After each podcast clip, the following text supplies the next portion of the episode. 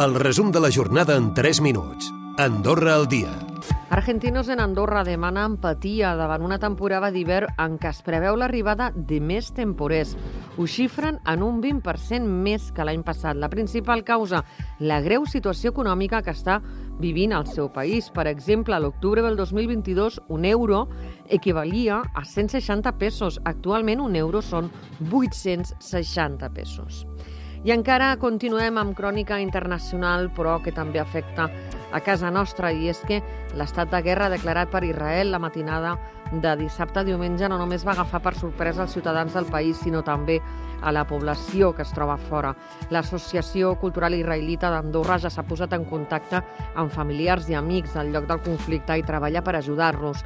Les autoritats andorranes del país també han expressat el seu suport i solidaritat.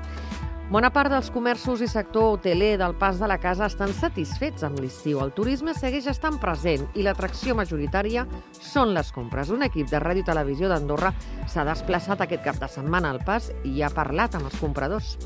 On vient au pas de la case pour faire euh, nos achats, simplement parce qu'on a des tarifs qui sont euh, inférieurs à ceux qu'on retrouve en France. hein.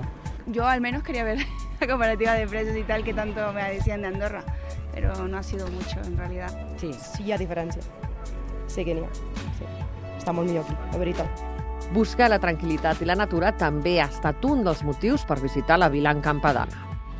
Que hemos visto Andorra la Vieja y nada, por verlo, por ver qué tal era la- el pueblecito este. Desconnectar una mica de la rutina i buscar un puesto tranquil·let i vam trobar allotjament per aquí ens va agradar. C'est c'est beau, on respire l'air frais, il y a les montagnes, euh, un joli paysage. De la pluja ja ens podem oblidar aquesta primera quinzena d'octubre. La tardor ha començat molt càlida, pulveritzant tots els rècords de temperatura màxima. I això té una incidència directa en les precipitacions, una manca de precipitacions que afectarà també la producció d'energia al país. Ens ho explica el meteoròleg Guillem Martín. Les dorsals anticiclòniques eh, són altes pressions i molt sovint venen acompanyades de- d'una persistent manca de, de precipitacions i al veure com, com van eh, baixant el seu nivell, com semblen oceans eh, que es van assecant any rere any.